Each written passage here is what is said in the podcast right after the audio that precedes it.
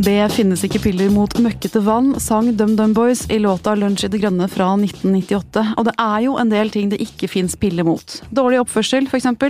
Kjærlighetssorg, grumsete holdninger eh, og eh, alkoholisme. Det har i hvert fall jeg trodd inntil nylig, men så viser det seg at det kanskje likevel finnes litt mer i den medisinske verktøykassen enn det de fleste vet om, som kan tas i bruk for å kurere avhengighet. Det skal vi snakke om. Eh, psykiater og professor i rusmiddelforskning eh, Jørgen Gustav Bramnes, velkommen til deg. Takk for det. Og skuespiller Anders Baasmo Christiansen, deg har jeg prøvd å få lokket hit i studio en stund, men du har ikke fått tid, for du har jo vært så opptatt med innspillingen av Kongens nei, denne storfilmen som kommer til høsten, hvor du har rollen som kronprins Olav. Eh, nå er du her, velkommen. Tusen hjertelig takk. Og Kristine Hellesland, en heltinne blant mellomledere. God mot de gode, hard mot de harde, og med en finjustert evne til å alltid trenge inn i kjernen i de store og små ting. Hei på deg. Hei, hei. Eh, er det noe du kunne tenkt deg en pille mot, eller? Hvis du kunne fått valget? Ja Knuste hjerter, arrvev på sjelen. Vet ikke. Ja, ja. Det, det, er rett inn i Det er rett, rett inn i magen. Mm. Anders, noe du kunne tenkt deg en pille mot? Eh, nei, egentlig ikke. Men du, du snakker om knuste hjerter, det kunne vært noe. ja. Mm. Jørgen, du, du, har jo en verktøykasse som medisiner, men uh, hvis du skal ta steget utenom det? Nei, jeg tror at uh, mye av de tingene folk ønsker seg piller mot, det er ting vi ikke har piller mot, og kanskje ikke skal ha piller mot. Uh, livet selv er ikke noe vi skal behandle. Nettopp. Det må vi bare ta på strak arm. Mm. Akkurat. Anders, vi skal starte med deg, fordi at eh, som sagt, i disse dager har du jo akkurat blitt ferdig med innspillingen av Kongens nei. Eh, den handler om de tre mest dramatiske døgnene i norsk historie rundt 9.4.1940, og Norge ble invadert av den tyske okkupasjonsmakten, og kongefamilien måtte flykte osv. Du spiller en ganske sånn kampklar kronprins Olav. Jeg tenker, Olav, det er litt av en rolle å ta på seg? Ja, det var kjempespennende, det. Uh, altså kampklar. Han var jo veldig for, for, dialog lenge, Olav. Men når, når først tyskerne kommer, så er jo han, eh, han er jo general. Og han burde jo sagt at han var en veldig dyktig militær. Eh, ikke til for å fornærme kong Haakon eller kong Harald, men, så, men Olav var visst veldig interessert og, og var virkelig en, en, dyktig, dyktig general. Eh, så det på en måte ble knaggen for hvordan jeg skulle løse den rollen. At det var mer hans eh, Han følte plikten som militær på en måte presset sterkt på. Og det, var og det, og det der spriket med å på en måte være en militær som ville, ville, kjempe, mens han som kronprins på en måte hadde en annen rolle. Så han, han, han sleit litt mellom det. da. Men, men, filmen handler jo på en måte først om, om, og fremst om disse dramatiske døgnene i april, og at regjeringa og kongefamilien måtte flykte. Uh, og Håkon, kong Håkon er jo da hovedrollen, ikke sant? så Olav blir jo da sånn faglig sett en, en, en, en bikarakter som skal påvirke hovedkarakteren. og og det var ikke noe tvil om at uh, sønnen var, var uh, ivrig på at uh, faren skulle sette ned foten så fort som mulig. Mm. Og det tok jo da tre døgn før han sa nei til tyskerne og Quisling. Ja. Så han måtte tvile seg frem med litt press fra sønnen, kanskje? Det, var jo en, det, var, det er jo når han sier nei, at da kommer bombene. og Så det er jo en fatal avgjørelse, det. ja. Mm.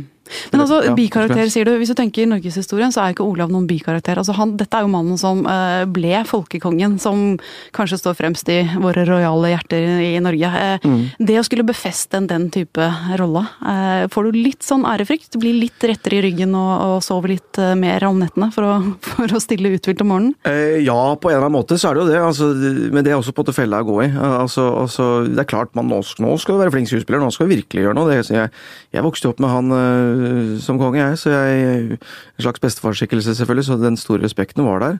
Men, og ærefrykten. Men, men eh, det er også fella jeg går i, at man begynner å skal gjøre ting annerledes enn hva man pleier. Det er en grunn, man, grunn til at man får de jobben man får, er for at man jobber på sin måte. og og, og, så det, men, men at jeg på en måte kom meg rundt, da. For jeg kjente jo selvfølgelig det presset. og sånn, det der fokuset på at de fleste husker vel ikke så godt hvordan kong Haakon eller eh, kronprinsesse Märtha snakket eh, i dag. Ikke så veldig mange, i hvert fall. Mens Olav har veldig mange et forhold til. Og, og det å samtidig på en måte, Det er jo ikke et sånn portrett av han sånn sett, det er mer av Håkon. ikke sant? Og da må jeg på en måte Hvilken funksjon har denne karakteren inn i filmen? Så det blir jo på en måte litt sånn kjedelig faglig sett, det, da. Men, men, men eh, så, så, det er ikke at nå skal jeg få liksom lage det store portrettet av Olav, men jeg skal prøve å lage liksom Hvor var han i løypa akkurat disse dagene? Altså, for... vi, ser jo for oss kong Olav som den, eh, den latteren og den folkekjære greia. Det er jo ikke plass til det akkurat når tyskerne kommer. ikke sant? Det er jo, Han var ganske De, de, de var hardt pressa da, altså. Men du måtte øve mye på stemmen da, eller? Nei, det måtte jeg ikke, men et eller annet sted så må jeg møte For det blir jo en sånn parodisak, ikke sant. Men man må jo på en måte imøtekomme nettopp det at folk har et forventning til hvordan han snakka. Så må jeg på en måte kanskje imøtekomme det norske publikums forventninger til en viss grad. Nå er ikke jeg noe bass i meg sjøl, men, men, kanskje jeg fant en nøkkel på temperamentet hans. Han var ganske, kunne være ganske utålmodig og ganske og Da kan jeg bruke, jeg bruke det temperamentet til å på en måte skru opp temperaturen i, i, i meg sjøl, som da setter seg i stemmen, på en eller annen måte som gjorde at jeg kanskje fikk en litt lysere, ikke sant. Men jeg kan ikke begynne å tenke på pitchen i stemmen, for da er da er på en måte kjøttet borte. Altså det, det, er, det, er, jo situasjonen og hva som skjer med menneskene som, som er, mm. er, viktig. Men sånn i skuespillerliv, når man får en, den type rolle, eh, da er du voksen. Da er du på en måte, da er du ute av liksom Lilleputtligaen, juniorligaen, unge og lovende ligaen. Da er du etablert. Her har vi kronprins Olav, gitt. Ja da, det er, er man jo det, da. Ja. er det greit, eller? Greit å være etablert? Mm. ja. Jeg er opptatt av det, skjønner du. Ja. Nei, altså jeg var veldig sånn bevisst i min karriere fra starten. Jeg gikk inn på Teaterhøgskolen og ga meg sju år. Tre år på skolen og fire år på en måte i praksis kan du si da, på teaterne. Og så gikk jeg frilans i 2004. Så, så, jeg har vært veldig av, bevisst på at jeg må ha på en måte, må, skal klare meg sjøl. Så det er klart, når man, når man har kommet til en situasjon som jeg er nå, der jeg jeg, eh, altså Du sa jeg nettopp er ferdig med Olav, men jeg har vel gjort åtte filmer siden, tror jeg. For det, det var vel i fjor vinter. Så, så, så jeg har jobba ganske mye i det siste, og, og, jeg er privilegert som får mange tilbud. Og jeg får mange forskjellige tilbud, og jeg får mange kan, kan gjøre teater og film. og da, da er jeg jo kjempehappy med det. Så det er, det er klart jeg er veldig, veldig glad for å ha jobba meg fram til en situasjon som jeg kan, kan, kan hvile i, på en måte. Og, og det er jo fint å det, altså Mye kunst blir lagd gjennom, gjennom, gjennom litt, litt, press, og man får litt kniven på strupen. Det kan komme mye bra på det, men, gjennom det, men, men, samtidig så er det godt å ha litt tid til å, til å velge bort ting, så man får tid til å konsentrere seg nøye om, om sånne ting som det her, f.eks. Forarbeid, forarbeid og sånne ting. Men denne rollen opp mot f.eks. rollen som Benedict i dag, da, som jeg har studert deg veldig nøye i, for jeg har sett alle episodene og elsker den serien, det er ganske annerledes. Altså, Der er du meget rufsete. Der er det armer og bein og helt ja. ute av kontroll og høyt og lavt og emosjoner til alle kanter. Hva, ja. hva er gøyest å spille av?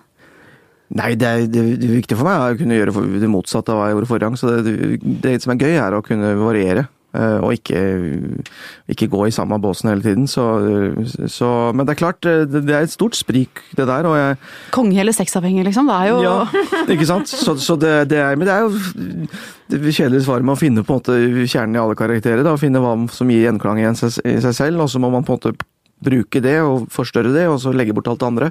Men det er klart, det er jo en prosess, for jeg gjorde jo siste sesong av, av Dag, altså Benedict-karakteren det siste jeg gjorde før jeg gjorde Kronprins Olav, og det kjente jeg liksom, det, det kjente jeg gjerne ville bli ferdig med han Benedikt, så jeg kunne ta skjegget og, og, og, og begynne å gjøre ordentlig research på Olav.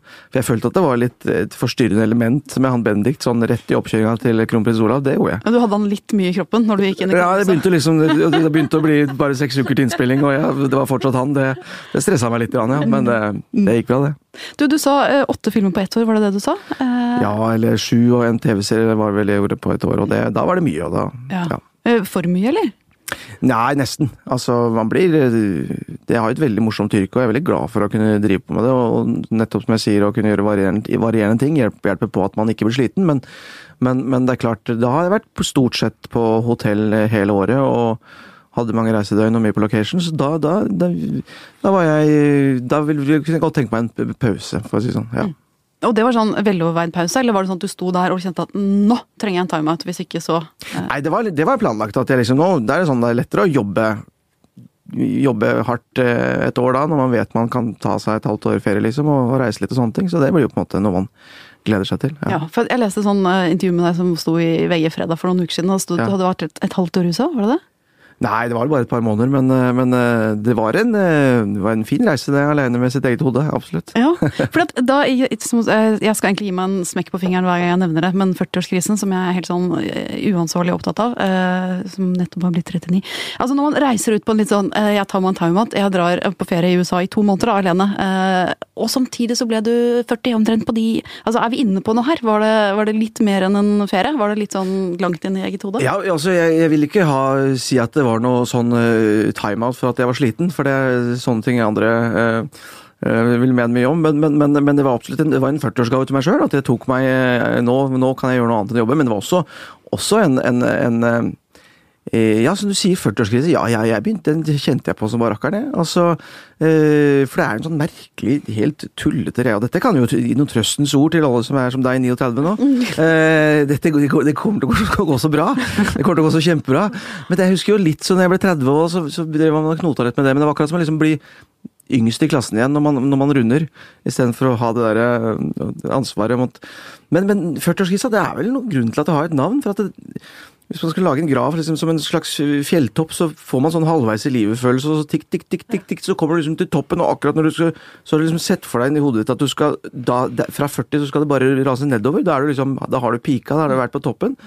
En merkelig rar ting man klarer å skru inn i hodet sitt. Men det er vel som Kirkegård sier, at det er, det er eh, eh, gjennom kriser man skal få ny innsikt og komme på nye levels i livet. Ikke sant? Så, så, så det der jeg kjente på at, eh, at eh, ja, dette var noe litt sånn eh, skummelt, og jeg har begynt å gruble på ja, ja, jeg, jeg gjør suksess, jeg, fra det jeg gjør, men det, men det er det eneste jeg driver med. Jeg er bare på location, og nå har jeg levd liksom halve livet mitt, og, og jeg driver bare og jobber. Hva er det jeg holder på med? Begynner man sånn å, å tenke, ikke sant? Og så, og så, så og så, blir, og så gruer man seg fælt til å bli 40, da, for et eller annet sted så, liksom, så er det tallet skummelt, eller et eller annet, jeg vet ikke hva som skjer. Ja. Men pang, så blir man 40, og så er det jo så deilig.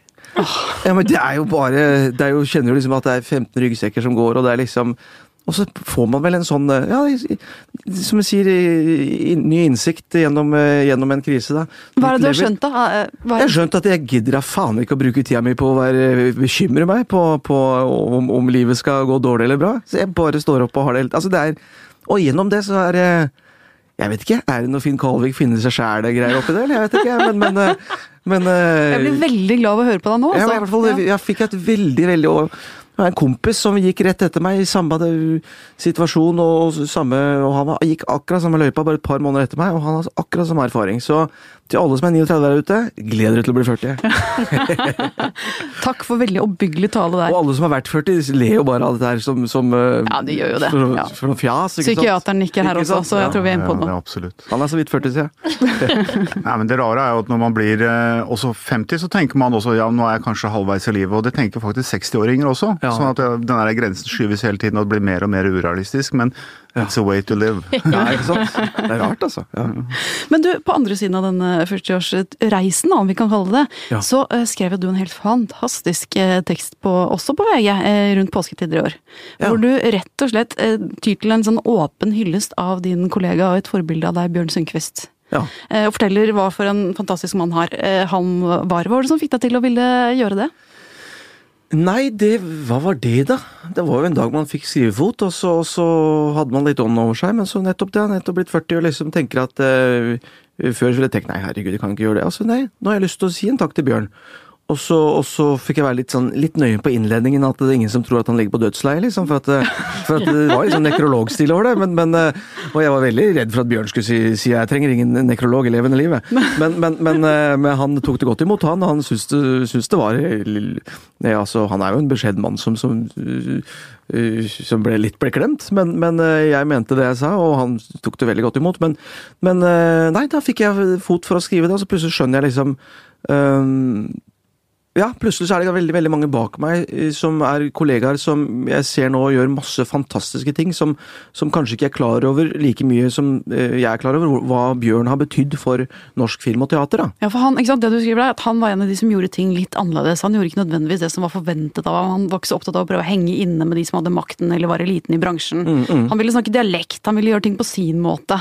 Og det har rett og slett skapt en helt sånn annen eh, landevei, eller? I Ja, altså en helt annen, en mye mer sann og ærlig og naken spillestil, som han starta da. Som, som du nevner nå, han, han, øh, han insisterte på å snakke på scenen med sin Hammerfest-dialekt som klangbunn, for at han da fikk han kontakt med seg og sitt og sine følelser, som gjør at på en måte det er det som er det er ikke hvordan du snakker pent og riktig, som var på den tiden, og det var helt uhørt det han, det han gjorde da. og Gjett om øh, det er veldig, veldig mange som på har blitt mobba fra å gjøre det samme på den tiden, men han insisterte, og så ble på en måte det trenden etter hvert, og han har gått gjennom det ganske mye. Og, og som, som jeg også skrev, dette var altså en tid der, der folk ofte skrev når de skulle leie ut hybler i, i avisene, i annonser 'nordlending ikke ønsket', eller, ikke sant? Så det var jo en tid som var ganske annerledes. Eh, Men han har fått brøyta vei eh, for, for, for veldig mange av oss, og, og gjort at det som faller oss naturlig nå, eh, ikke var så naturlig før. Og så tenkte jeg at det har jeg lyst til å si noe om, og så begynte jeg altså å skrive litt, og så bare så hagla det med ting Bjørn har, sånne visdomsord eller sitater eller, hvordan, eller tips på hvordan man jobber, som har virkelig festa seg i meg. Det var liksom bare en hel smørbrødliste av det. Så da kjente jeg at han har betydd så mye for meg, og hvordan jeg har valgt å stole på mine, min magefølelse gjennom min karriere, og, og, og, det er jo på en måte essensielt til syvende og sist. Mm. Jeg, jeg har lært på en måte en viktig ting av min far. Eh, han sier 'I'm not a club member'. Eh, Det at man ikke må gå, gå for mye i takt da, og være så opptatt av hva andre syns og andre gjør. Man skal være hensynsfull og sånne ting, men man må følge magefølelsen. Og det er på en måte Bjørn også et erkeeksempel på.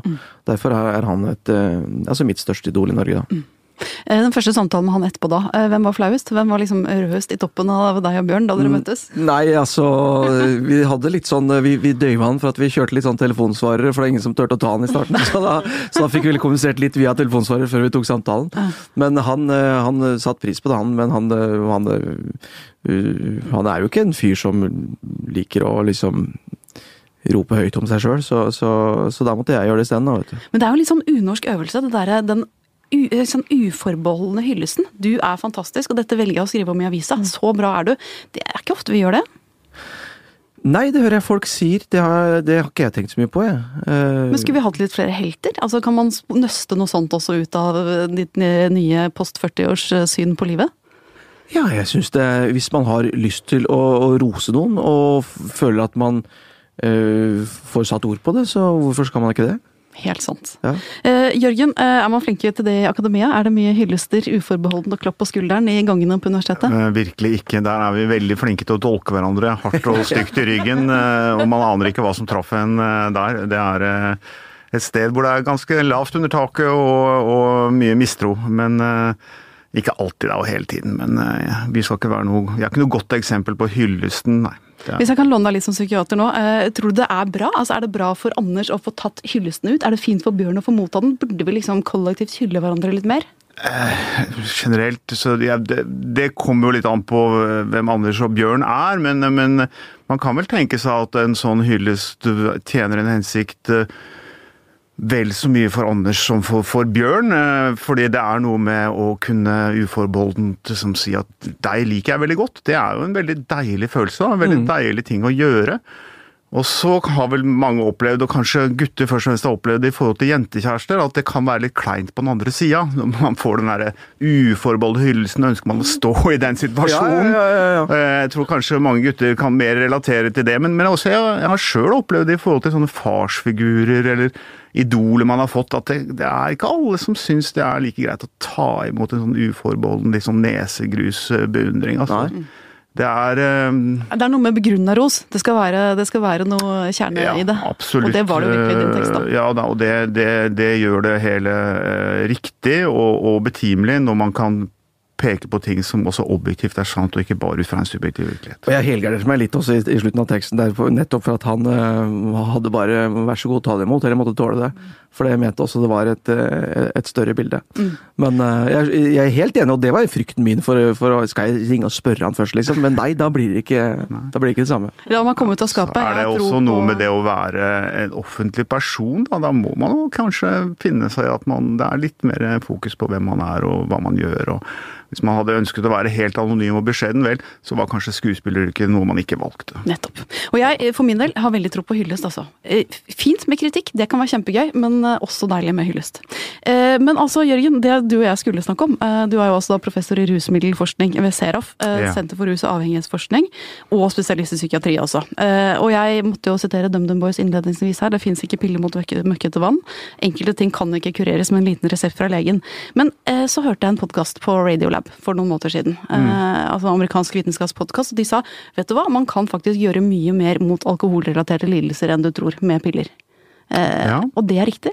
Det er veldig riktig formulert. Man kan gjøre mye mer enn man tror med også piller i forhold til det å skulle hjelpe folk som har problemer med å kontrollere alkoholbruken sin. Altså, eh, Alkoholrelaterte lidelser det er et ord som ble brukt i et liksom, kompendium som du sendte meg, så jeg kunne få tatt eh, halvannet vekttall i dette her før vi snakker sammen. Hva er alkoholrelaterte lidelser? Er det drikkinga, eller er det alt det som følger med med dårlige netter, dårlige relasjoner, vondt i kroppen etterpå, angsten? Ja, det, er, det er jo begge deler. Kjernen av alkoholrelaterte lidelser er jo problemet man har i forhold til alkoholbruken, og at det blir for mye av den, for mange ganger, og uten kontroll. Og så er det ikke bra for helsa å drikke for mye. Det fører med seg eh, lista på altså, sykdommer som følger eh, en overdreven bruk av alkohol, er veldig lang. Eh, noen har sagt at det finnes 200 lidelser på den lista over ting som påvirkes i negativ retning av alkohol. Sånn at alkoholrelaterte lidelser, det store begrepet, det er jo, er jo en veldig lang liste. Men når det gjelder det å skulle behandle og det å bruke piller i forhold til alkoholproblemer, så er det den kjernen av sånn alkoholmisbruksproblemer vi ser på da de som bruker for mye alkohol for mange ganger og med for liten kontroll. Mm. Eh, og det, altså, Hvis man ser på Norge sånn i alkoholstatistikken, hvor er vi? Er det flere, hvor, er det mange alkoholikere i Norge i forhold til andre land? Ja, nå bruker vi ikke ordet alkoholiker lenger, da, for vi er litt opptatt av eller vi er ikke bare litt opptatt av det, jeg syns det er viktig å ikke bruke stigmatiserende ord eh, på noen form for problemer folk skulle ha, enten det er det ene eller det andre. Vi kaller ikke det at en person er schizofren, men det er en person med en schizofreni. Og vi sier heller ikke alkoholiker eh, Vi sier faktisk ikke engang alkoholmisbruker lenger. Vi sier skadelig bruk av alkohol, og okay. vi sier alkoholavhengighet. Men det var da sånn den lille semantiske ja, kommentaren her på siden, da. Ja. Eh, eh, men Norge, hvordan vi ligger i den sammenhengen, så er det jo slik at vi kan slå oss litt på brystet og si at vi bruker heldigvis lite alkohol i dette landet sammenlignet med mange andre land.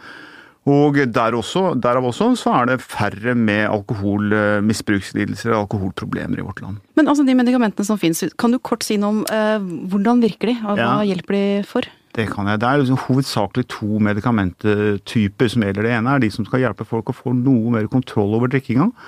Og det andre er såkalte sånne eh, aversjonsmidler, altså som kan gjøre at folk blir sjuke av å drikke.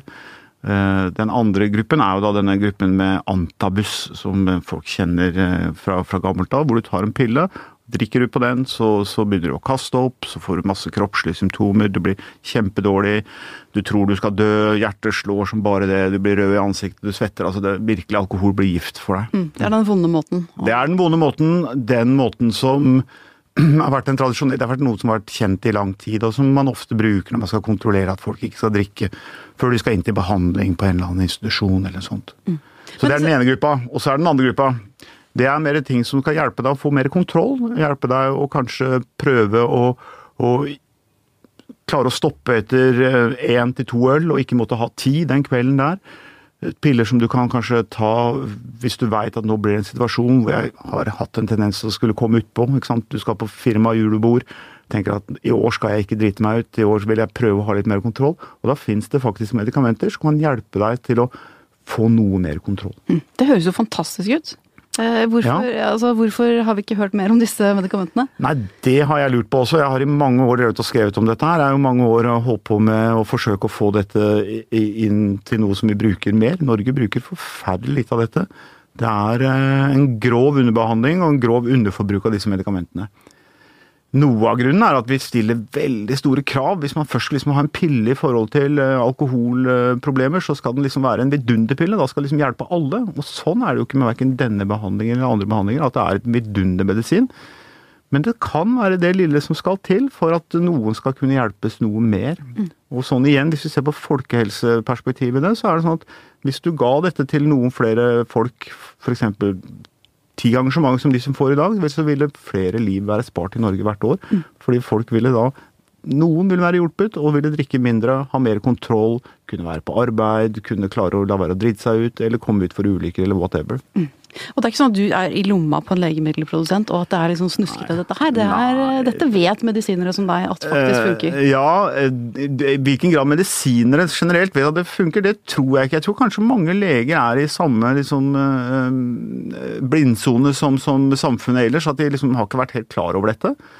Nå har det vært en økende bruk de senere årene, men at jeg ikke er i lomma på noe legemiddelfirma, kan jeg garantere. Jeg har aldri mottatt Jeg har mottatt en kulepenn en gang, men det er også det eneste jeg har fått. Jeg har satt veldig sterke grenser der. og Nå er det jo så poppis å være veldig moralsk og ikke motta penger fra legemiddelfirmaene, men også på den tida hvor det var litt mer vel ansett, så var jeg forsiktig med det. Det viktig å være sin egen herre. Ikke være medlem av noen klubb, var det ikke det vi var enige om? Nettopp, nettopp.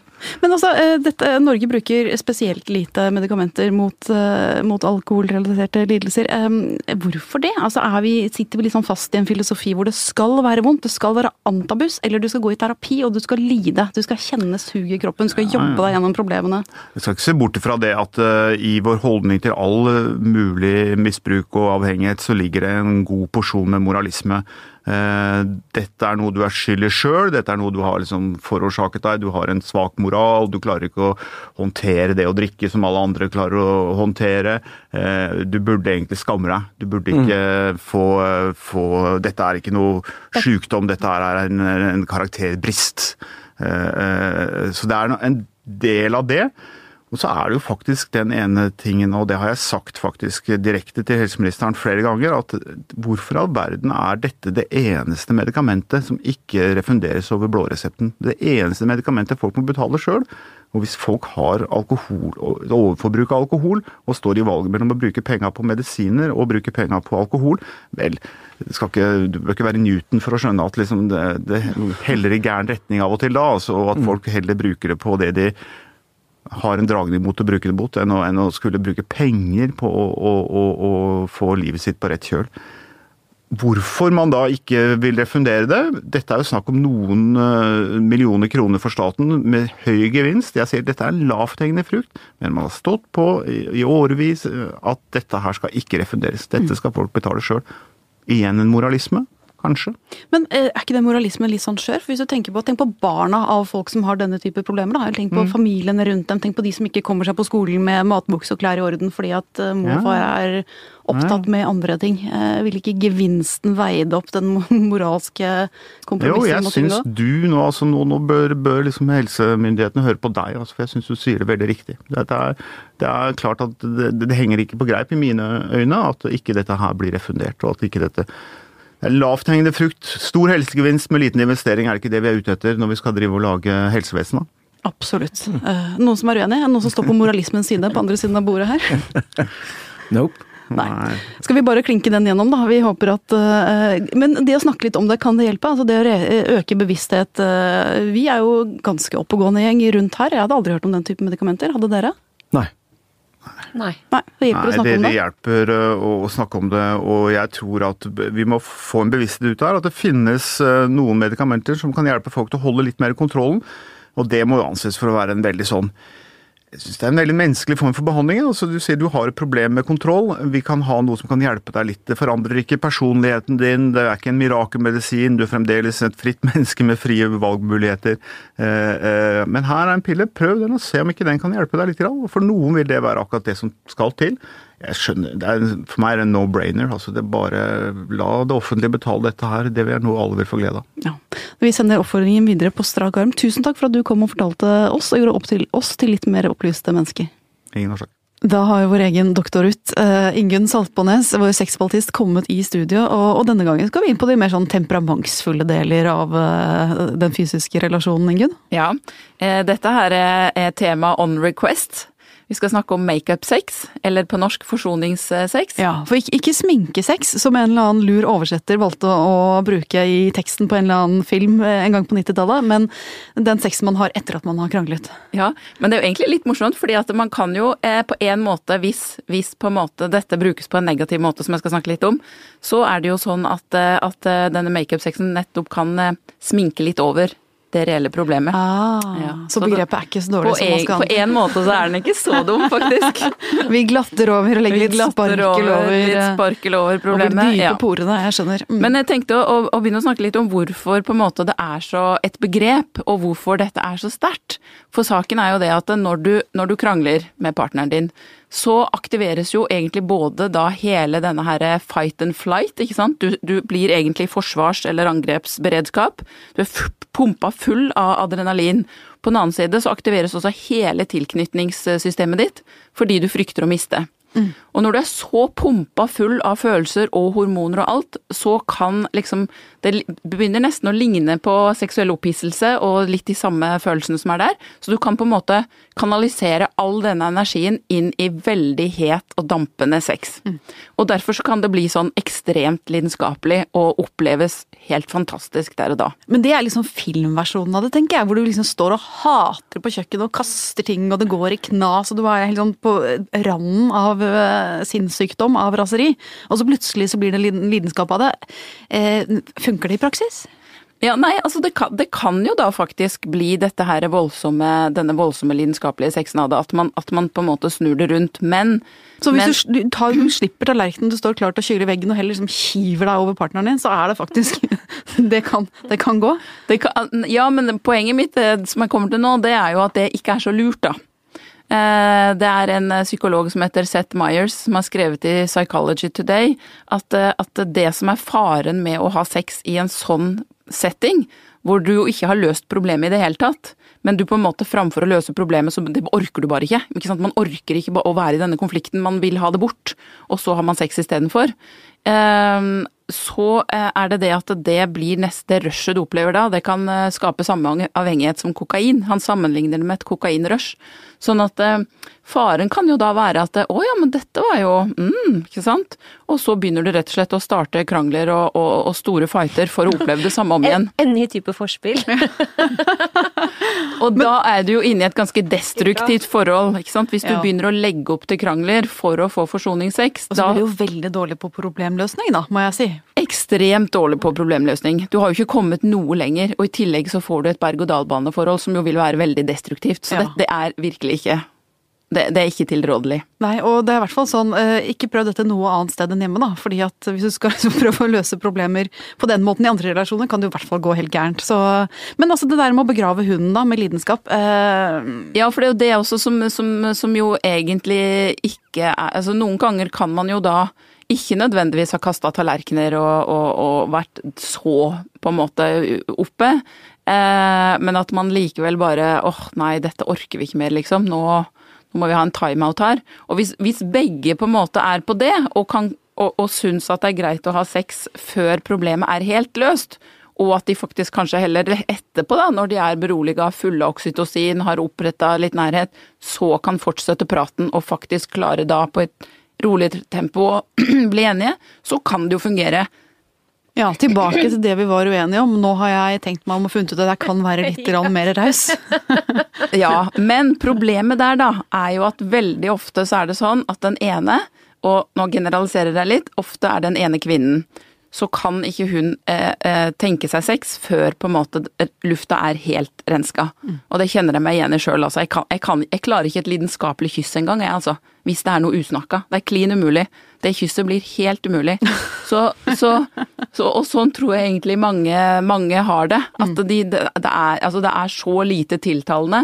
Og den der kåtskapen ligger da så godt begravd når det er noe usnakka og noe man ikke er enig om, at den den får man bare ikke frem.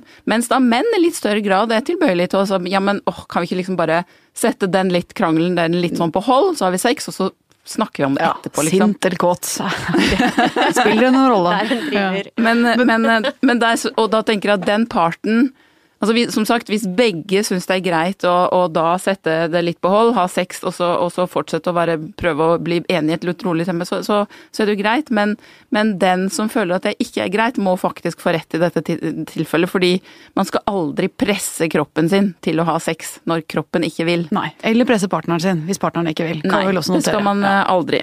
Ok, uh, skal vi si at det er sånn, noe sånn som 45% anbefalt, da? Ikke alltid. Nei, jo. Veldig bra anbefaling. 45 Nei, for det, det, I det tilfellet som man tenker at det kan være bra, da, mm. det er jo at hvis man har i utgangspunktet et sunt og godt forhold, og man evner å snakke ut om ting. Man har hatt en krangel, man har klart å snakke om det, man har kompromissa litt og faktisk eh, kommet videre, da. Ja. Da syns jeg virkelig Da kan man feire med litt forsoningssex, for da får du jo opp oksytocinnivået, man øker nærheten til partner, og man får mye mindre lyst til å forfølge sånne hvert fall tøysekrangler i framtida. Det var et bra råd på slutten. Takk til deg, Ingunn Salpenes, og til vår produsent Magne Antonsen.